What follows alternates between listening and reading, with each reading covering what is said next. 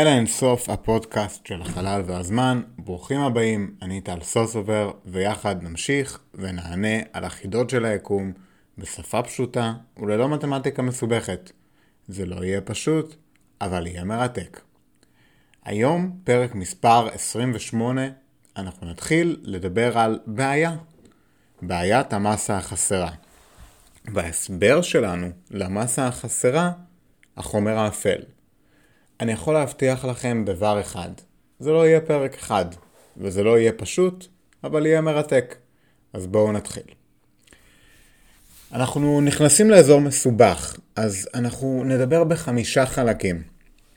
בחלק הראשון, שזה אה, הפרק הזה עוד יהיה, נדבר על בעיית המסה החסרה ביקום. בחלק השני, ראיות לקיומו של חומר אפל, ובחלק השלישי נדבר על מהו לא חומר אפל.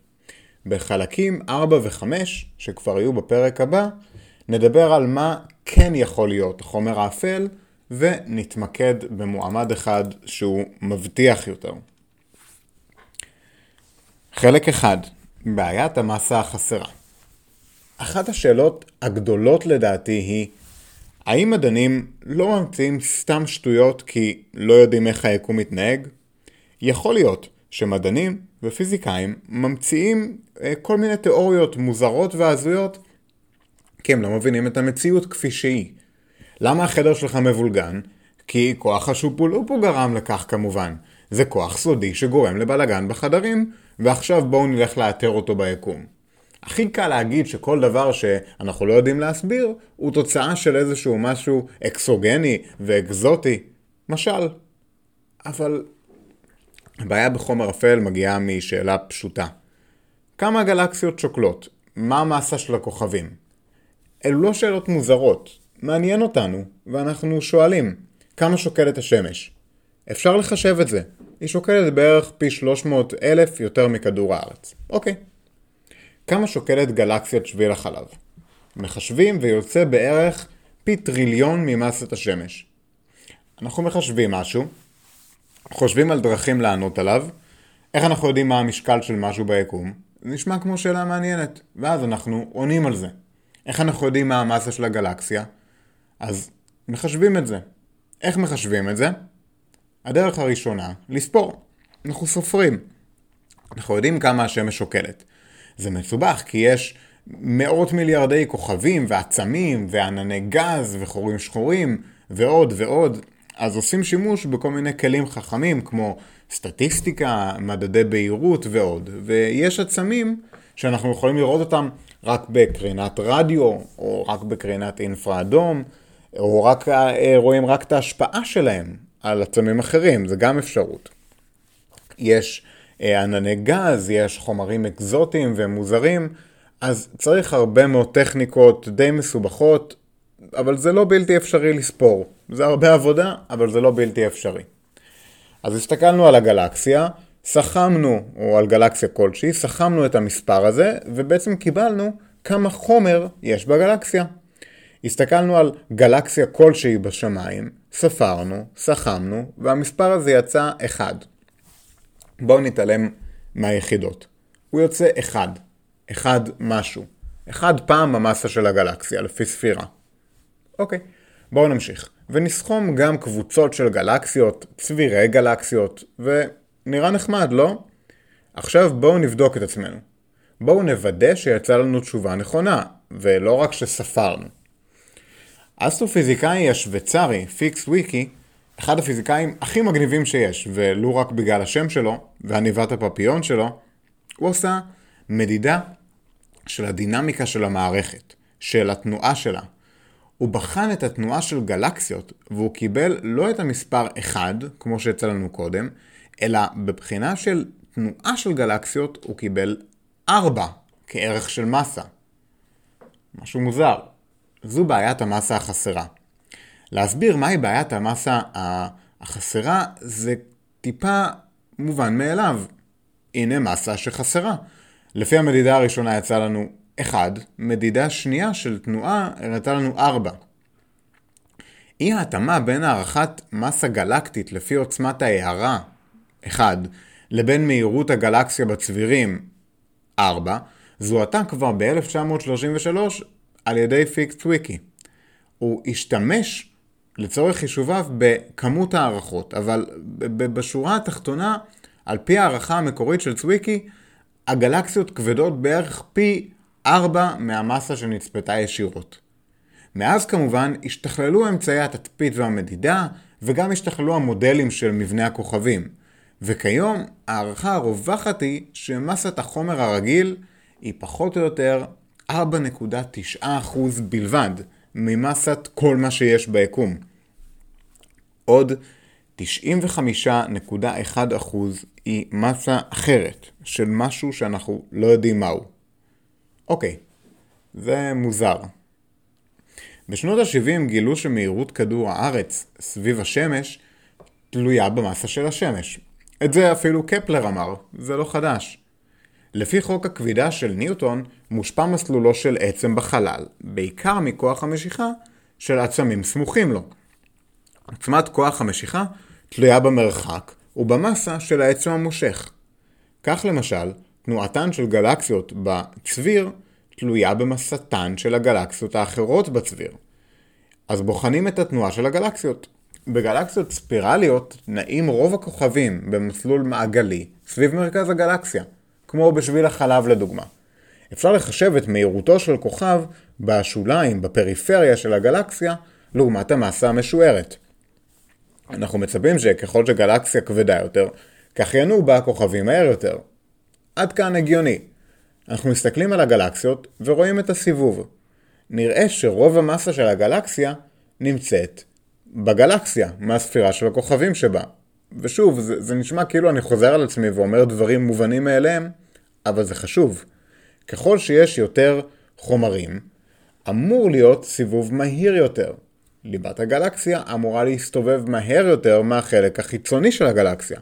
ובגדול, ככל שעצם יהיה קרוב יותר למרכז הגלקסיה, כך הוא אמור להסתובב מהר יותר. זה דומה לכיור מלא במים שמסתובבים לכיוון הפתח. אם נבחן טיפת מים הקרובה למערבולת, נראה שהיא מסתובבת מהר יותר מטיפת מים רחוקה במערבולת. ושוב, זה כמעט מובן מאליו. אבל, וזה מה שמעניין, זה לא מה שאנחנו רואים בגלקסיות. אנחנו רואים שככל שאנחנו מתרחקים ממרכז הגלקסיה, ככל שאנחנו מתרחבים החוצה, המהירות נשארת פחות או יותר קבועה, ואפילו עולה במקרים מסוימים. במילים אחרות, אנחנו והשמש וכל הדברים האחרים שסביבנו נעים סביב מרכז הגלקסיה מהר יותר ממה שהיינו מצפים. איך זה יכול להיות? שוב, סופרים את המסה, יוצא 4, לא 1, אז מה, מה קורה פה? בואו נעשה סדר, יש לנו סתירה, שבודקים את הטמפרטורה של הגז וגם שבודקים את מהירות הסיבוב של העצמים סביב מרכז הגלקסיה, יוצא 4, אבל אם אנחנו סופרים מסה, מקבלים רק 1. ויש עוד נקודה לטובת מסה 1, זה מה שאנחנו מכירים, זה מה שאנחנו רואים, וזו נקודה חזקה. בואו ננסה להכריע, בואו נעשה שובר שוויון. נסתכל על עיוות כבידתי. השמש כמו כל עצם ממסה, מעוות את האור, כמו עדשה, בגלל כוח הכבידה שלה. נדבר על זה בפרק אחר כנראה, אבל הרעיון הוא שכבידה יכולה להתנהג כמו עדשה, מה שמאפשר למדוד את כמות המסה שעושה עיוות לאור. ככל שהאור זז יותר כתוצאה מהעיוות, כך אפשר להגיד שהמסה מעוותת אותו יותר, כלומר יש יותר מסה. אפשר ככה ממש למדוד מסה של עצמים. האור מתעוות כתוצאה מהעדשה, זה בדיוק כמו העדשה במשקפיים, ואפשר לאמוד את כמות המסה שעושה את העיוות. זוהי שיטה חדשה לגמרי, המבוססת אך ורק על תורת היחסות. בואו נבחן את המסה של גלקסיה כלשהי. לפי השיטה הראשונה, של ספירת כוכבים, קיבלנו מסה 1. לפי השיטה השנייה, של בחינת מהירות הסיבוב, קיבלנו מסה 4. בואו נבחן לפי עידוש כבידתי. לפי עיוות כתוצאה מהכבידה של האור. מה יוצא? 4. 4. זה לא טוב כל כך. אוקיי, רק שיטה אחת נותנת לנו אחד. רק אם סופרים את הכוכבים, החורים השחורים, ענני הגז, כל הדברים שאנחנו מכירים, אנחנו מקבלים אחד. אבל כל השיטות האחרות נותנות לנו ארבע. יש לנו תצפיות שסותרות את כל האחרות. אז או שאנחנו לא מבינים את החוקים של היקום, או שיש עוד חומר שאנחנו לא יודעים מהו. שתי האסטרטגיות האלו לפתרון הן נכונות ברמה העקרונית. זוכרים שדיברנו על כך שהסיבוב של הערכים של צדק סביב צדק משתנה קצת כתוצאה מהמיקום של כדור הארץ בצורה מוזרה מאוד שלא הצלחנו להסביר באמצעות הפיזיקה של ניוטון? כלומר, בהנחה שמהירות האור היא אינסופית, אנחנו לא מצליחים להסביר את זה. כתוצאה מזה, הצליחו להבין ולחשב את מהירות האור. דיברנו על זה שהירחים של צדק הם כמו ילדים שמציצים מאחורי ההורה שלהם, ובאמצעות תצפית עליהם, הצליחו להוכיח שמהירות האור היא סופית. ההסבר לתופעה הזאתי היה חוסר הבנה של החוקים של היקום. במקרה הזה, תורת היחסות הפרטית. מצד שני, כשראו את אורנוס מסתובב סביב השמש בצורה מוזרה, הפתרון לא היה שאנחנו לא מבינים את חוקי הפיזיקה. במקרה הזה, הפתרון היה שקיים חומר שאנחנו לא יודעים מהו שמעוות את הסיבוב של אורנוס. במקרה ההוא, נפטון. נפטון עיוות את הסיבוב של אורנוס, ואז בעצם גילינו את נפטון והצלחנו להסביר את הסיבוב. בשני המקרים יש לנו מסלול מוזר של פלנטה כלשהי. במקרה הראשון האסטרטגיה שניצחה הייתה חוקי פיזיקה חדשים. במקרה השני, האסטרטגיה שניצחה הייתה למצוא חומר חדש או פלנטה חדשה. אז שתי האסטרטגיות סבירות ומתאימות כדי לפתור בעיה של מסה חסרה, שזו בעצם הבעיה שיש לנו כאן, רק בסקאלה גדולה. אז מה עם הסיבוב של הגלקסיות? האם אנחנו לא מבינים טוב את חוקי הפיזיקה, או שיש חומר שאנחנו לא רואים? שוב, שתי הגישות בסדר, שתי האסטרטגיות בסדר. לגבי שינוי הכבידה, האסטרטגיה הראשונה, כבר 30 שנה מנסים לשחק עם תיאוריה חדשה לכבידה במקום תורת היחסות הכללית, שתצליח להכליל את השינויים האלו במתמטיקה. לא קיבלנו משוואה של כבידה שתיתן לנו 4 בסקלות של מסה של גלקסיה, וגם תצליח להסביר את הכבידה בין כדור הארץ לשמש. כלומר, מערכת חוקים, סט חוקים, שייתן לנו פתרון. בואו ננסה לראות אילו ראיות יש לכך שהחומר האפל אולי הוא המועמד. אולי הוא מה שקיים ונתחיל לחפש אותו. או אולי ראיות למה בכלל אנחנו צריכים לחפש חומר, ולא לכתוב מחדש את החוקים. אפשר להסתכל על זה כמו הדארק סייד של הפיזיקה, בה מחפשים חומר אפל. חלק 2 ראיות לקיומו של חומר אפל. אילו ראיות יש לנו על כך שקיים חומר כלשהו שמכתיב התנהגות מוזרה בסקלות של מסה של גלקסיות? טיעון ראשון בעד חומר אפל, צביר הקליע. הדוגמה המובהקת ביותר להתנגשות של צבירי גלקסיות היא צביר הקליע, Bullet Cluster. מדובר על שני צבירי גלקסיות שהתנגשו אחת בשנייה. עכשיו, כל צביר כזה מכיל מאות עד אלפי גלקסיות, כלומר, זו חתיכת התנגשות. עושים מיפוי מפורט של ההתנגשות. כשמסתכלים על הכוכבים והגלקסיות המתנגשים, אנחנו צריכים לזכור שעיקר מה שיש בגלקסיות הוא כלום בין כוכבים, ובין הגלקסיות יש הרבה ענני גז. אני אוהב לחשוב על הגלקסיות כמו קורנפלקס עם חלב. הגלקסיות הם הקורנפלקס, והגז הוא החלב שמקיף את הגלקסיות וגם נמצא בתוך הגלקסיות בין הכוכבים. יש המון גז כזה. בעת ההתנגשות, גושי הגז משני הצבירים מתלכדים לגוש צפוף יותר. עכשיו, אם חומר אפל לא קיים, וכל העניין הוא טעות בהבנה שלנו את חוקי תורת היחסות הכללית, אז יש לנו בעיה רצינית. אנחנו עוקבים אחרי המסה של שני צבירי הכוכבים, ורואים את ריכוז המסה לאחר ההתנגשות של צבירי הגלקסיות. גושי הגז באמת נפגשים, מתלכדים ומתרכזים במרכז הצביר המאוחד, כפי שניתן היה לצפות מהם. עכשיו, אנחנו מודדים את המסה של הצביר המאוחד, ואנחנו מקבלים שמרכז המסה של הצביר הזה רחוקה מאוד מהמרכז. מודלים פשוטים של חומר אפל מסבירים את זה בקלות. אם אנחנו מכניסים חומר חדש למשוואה, לפי קריטריונים מסוימים, הוא יכול להסביר את הכל מעולה. אבל שינוי של תורת היחסות הכללית פשוט לא מצליח להסביר את זה. ריכוזי המסה לא נמצאים במרכז עם כל החומר, אלא בעיקר בפריפריה של הצביר.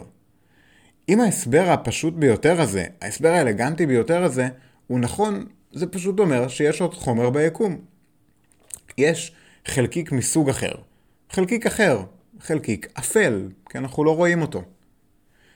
טיעון שני בעד חומר אפל, היווצרות המבנים.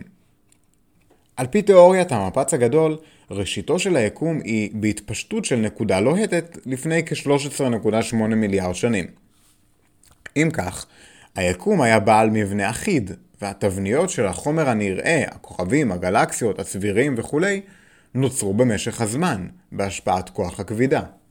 אלא שכאשר מחשבים כמה זמן נדרש כדי שהיקום יגיע לריכוזו הנוכחי של תבניות החומר, נראה ש-13.8 מיליארד שנים לא מספיקים. קיומו של חומר אפל מסייע רבות בפתרון הבעיה הזו. החומר האפל משתתף באינטראקציות הכבידתיות, אבל הוא לא מושפע מאינטראקציות גרעיניות אחרות, כמו הכוח האלקטרומגנטי, ובפרט הוא אינו קורן. בהיעדר השפעה מעכבת של כוחות אחרים, חומר אפל ממהר להתרכז במבנים דחוסים, מהר יותר מחומר הנראה. ביקום שרובו חומר אפל, המבנים האלו אכן יכולים להיווצר בקצב המתחייב מהגיל הצעיר יחסית של היקום, מה שמתאים לבנייה של גלקסיות. במילים אחרות, מה שאני מנסה להגיד לכם הוא שחומר אפל פותר בצורה אלגנטית ופשוטה גם את עצם ההיווצרות של הגלקסיות. כי אם אנחנו מורידים את החומר האפל, קשה לנו להסביר איך נוצרו כל המבנים המורכבים האלו. אם התשובה היא שיש חומר אחר, אז יש לנו משהו חדש, חלקיק חדש, שעוד לא ראינו, ואנחנו לא מכירים אותו. החלקיק הזה לא מגיב לאור, לא פולט קרינה בטווח האלקטרומגנטי, ולכן אנחנו קוראים לו אפל, כי אי אפשר לראות אותו. אם הוא קיים, הוא מרכיב שלושת רבעי מהמסה של הגלקסיה. עכשיו, זה לא מטורף כמו שאולי אתם חושבים. זה כבר קרה לנו בעבר.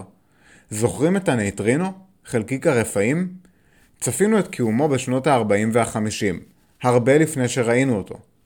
הנייטרינו מקיף אותנו, בערך בכל רגע 60 מיליארד חלקיקי נייטרינו מציפים אתכם. הם עוברים דרך הגוף שלנו כל הזמן. אבל הם לא מתקשרים עם אור או עם חומר כלשהו. הם בלתי נראים. עשו הרבה ניסויים מטורפים, והם באמת מתקשרים עם חומר בצורה חלשה מאוד. וזה נושא לפרק שלם, אבל כן הצליחו לראות אותם. אני מנסה להדגיש את הנקודה הבאה, זה לא מטורף שקיים חומר כלשהו, חומר אפל כלשהו, שלא מתקשר עם האור. זה יומיומי כמעט בפיזיקה, כמו לגלות את הנטרינו לדוגמה. זה לא מטורף שקיים חומר שלא מתקשר כל כך. חומר אפל אפילו לא מתקשר כל כך עם עצמו. אין שום אינטראקציה שאנחנו יכולים לראות שהוא עושה עם משהו. שום דבר למעט ההשפעה של הכבידה. אז מה זה יכול להיות החומר האפל? יכול להיות שזה משהו שאנחנו כבר מכירים ואנחנו רק לא מצליחים לזהות עכשיו? חלק 3, מהו לא חומר אפל. התגובה שלכם צריכה להיות, מה לעזאזל קורה פה? זה לא הגיוני. מה קורה פה? מה זה החומר האפל הזה? האם יכול להיות שחומר אפל הוא חומר בריוני? כשאני אומר חומר בריוני אני מתכוון לחומר רגיל, כמו שאנחנו מכירים מהיום יום שלנו. חומר עם אה, פרוטונים, ניוטרונים, אלקטרונים, כלומר חומר רגיל שפשוט לא הצלחנו לקלוט. אז בואו נתחיל עם החשודים המיידיים. חורים שחורים. נשמע שהם החומר האפל, כי הם אפלים, הם מוזרים, ונשמע שהם יכולים להיות חומר אפל, לא? לכאורה, חור שחור רגיל הוא אובייקט עם המון מסה, לא מתקשר עם כלום למעט דרך המסה, ונמצא בכל מקום. אז יכול להיות שזה הפתרון לבעיית המסה החסרה? בואו נלך אחורה. איך מייצרים חורים שחורים? חורים שחורים נוצרים מכוכבים שקורסים.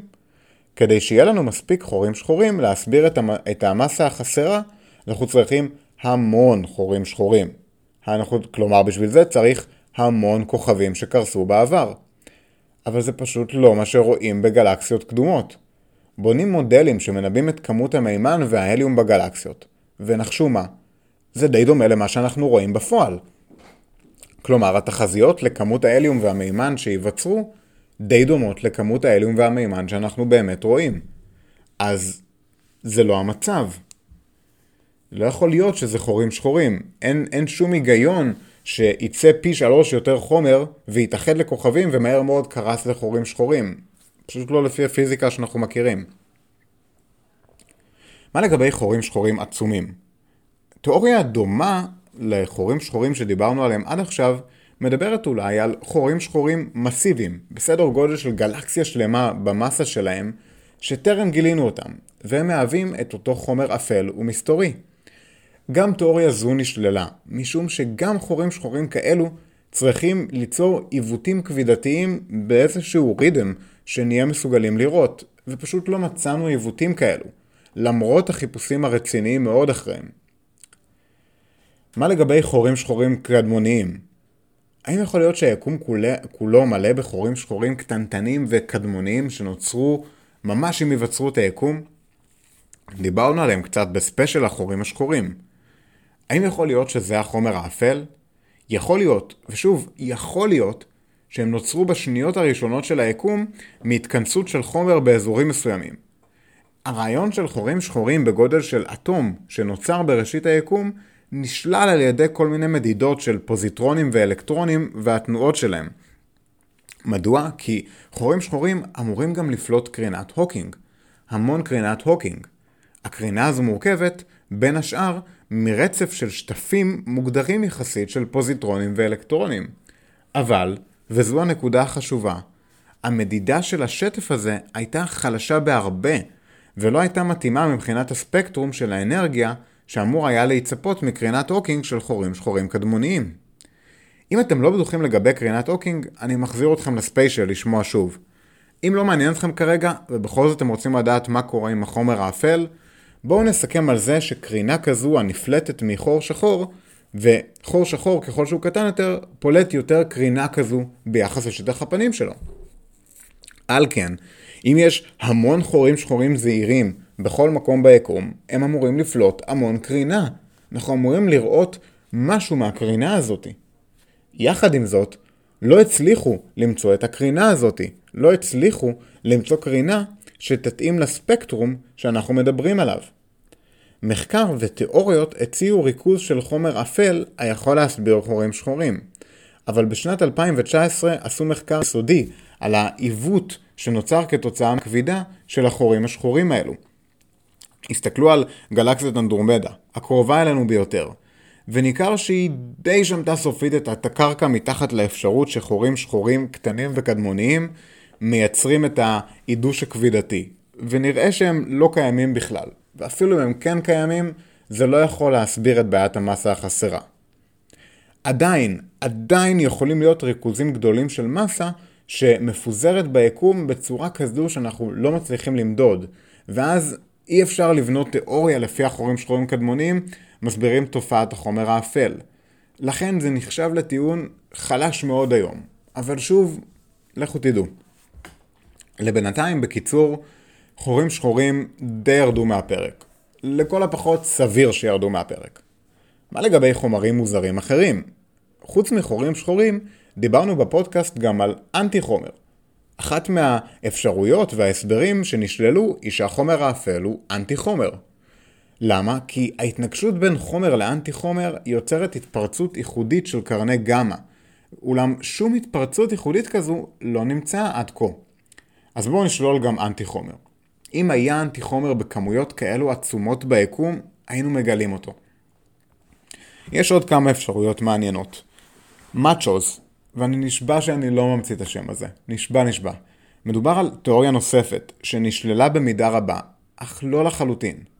התיאוריה הזו גורסת כי החומר האפל המפוזר ביקום מפוזר בצורה של עצמי הילה מסיביים קטנים, או Massive Compact Halo Objects, או מאצ'וז בקיצור. על פי תיאוריה זו, החומר האפל מרכיב עצמים כמו ננסים חומים, או אולי מצוי במצבורים קטנים אך דחוסים של חלקיקים כבדים. גודלם של המאצ'וז אמור להיות בין זה של כוכב הלכת צדק לבין מסת שמש, והם אמורים להימצא בעילה האפלה של כל גלקסיה. על פי תיאוריה זו, לא ניתן לצפות בהם באמצעים רגילים, משום שהם קטנים מדי והם לא קורונים. עם זאת, הם אמורים היו להיות מורכבים מבריונים, כלומר, מחלקיקים שניתנים להבחנה, ובכך הייתה לנו בעצם תיאוריה כלשהי לפיה אפשר לראות אותם. עכשיו, תיאוריה אחרת שניסתה לטעון שחומר האפל אינו בעצם אפל כל כך, אלא מורכב מחומר שאנחנו מכירים, ממאצ'וס, טרם הבחנו בו עד כה. עכשיו, זו תיאוריה שהיא חלשה, ולכן היא נשללה, משום שעצמים כאלה צפויים לעוות את האור של הכוכבים, הגלקסיות והצבירים העובר בסמוך אליהם.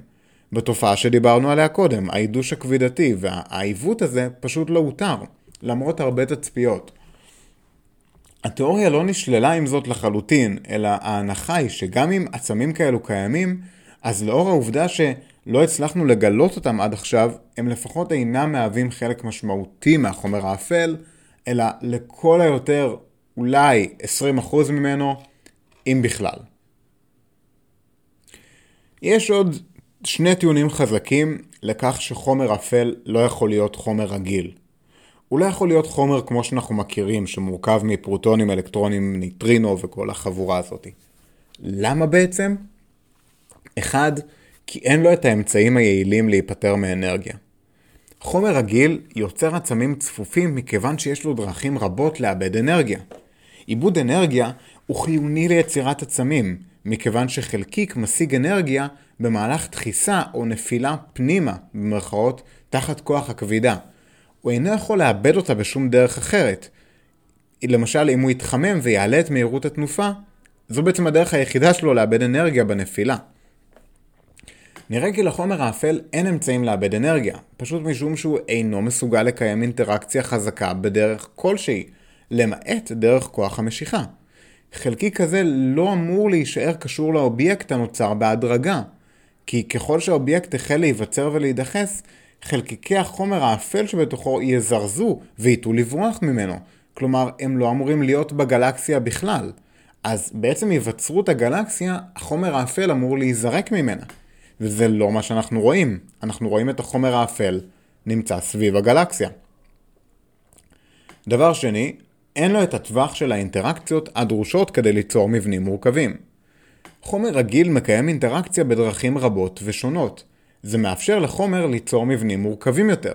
לדוגמה, כוכבים נוצרים דרך כוח הכבידה, אך החלקיקים שבתוכם פועלים באינטראקציה ויכולים לפלוט אנרגיה בצורה של נייטרינו, או קרינה אלקטרומגנטית באמצעות היתוך גרעיני, וזאת כאשר הם אנרגטיים מספיק, כמו בשמש. פרוטונים וניוטרונים יכולים להיקשר באמצעות הכוח הגרעיני החזק, ואז ליצור אטומים עם אלקטרונים, בעיקר באמצעות אינטראקציה אלקטרומגנטית. הבעיה היא שאין שום עדות לכך שחומר אפל מסוגל בכלל למגוון כה רחב של אינטראקציות. זאת מכיוון שהוא מתקשר רק דרך כוח הכבידה. כלומר, מה שזה לא יהיה, זה פשוט לא מתאים לתיאור של חומר רגיל. אוקיי, בנקודה הזו לדעתי אנחנו נעצור, נחשוב רגע על הדברים ונמשיך בפרק הבא. היום דיברנו על בעיית המסת החסרה ביקום. דיברנו על כך שלמרות שיש הרבה תצפיות וניסיונות להסביר מה קורה, ניכר שכל מה שאנחנו רואים סביבנו, כל החומר, כל מה שאנחנו מכירים, הכל מרכיב אחוז זניח ממה שיש ביקום. תעצרו ותחשבו על זה רגע. קיים עוד חומר, שככל הנראה הוא שונה מהותית בתכונות הבסיסיות ביותר שלו מכל דבר שאנחנו מכירים, שאחראי לרוב המוחלט של המסה ביקום. רוב המסה. האם יכול להיות שהחומר האפל הזה הוא תוצאה של חוקי פיזיקה לא נכונים שלנו? יכול להיות, אבל זה מאוד לא סביר.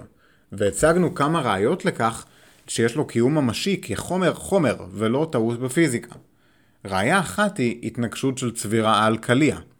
לאחר מכן הצענו כמה אפשרויות לחומרים שאנחנו מכירים ואוהבים, כמו חורים שחורים ואנטי חומר, אבל די שללנו אותם כמועמדים להיות חומר אפל.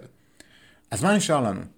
נשאר לנו לבדוק יסודית האם החומר האפל יכול להיות חומר, וגם את זה די שללנו, כי אין לו את האמצעים היעילים להיפטר מאנרגיה, ואין לו את הטווח של האינטראקציות הדרושות כדי ליצור מבנים מורכבים. ואלו שני אבני יסוד מאוד מקוריים של חומר והתנהגות של חומר כפי שאנחנו מכירים. בשבוע הבא ננסה להציע רעיונות למה כן יכול להיות החומר האפל, ממה כן מורכב רוב החומר שקיים ביקום. ננסה לבחון ביחד, ואני מבטיח לכם שיהיה מעניין, אבל לא פשוט בכלל, כי זה נושא שבאמת אנחנו לא יודעים את התשובה עליו. עד אז, ואני מקווה שיהיה לכם נחמד להמתין ולדמיין על חומרים אפלים שונים ומשונים שיכולים להסביר את התיאוריה. תודה רבה רבה לכם על ההקשבה.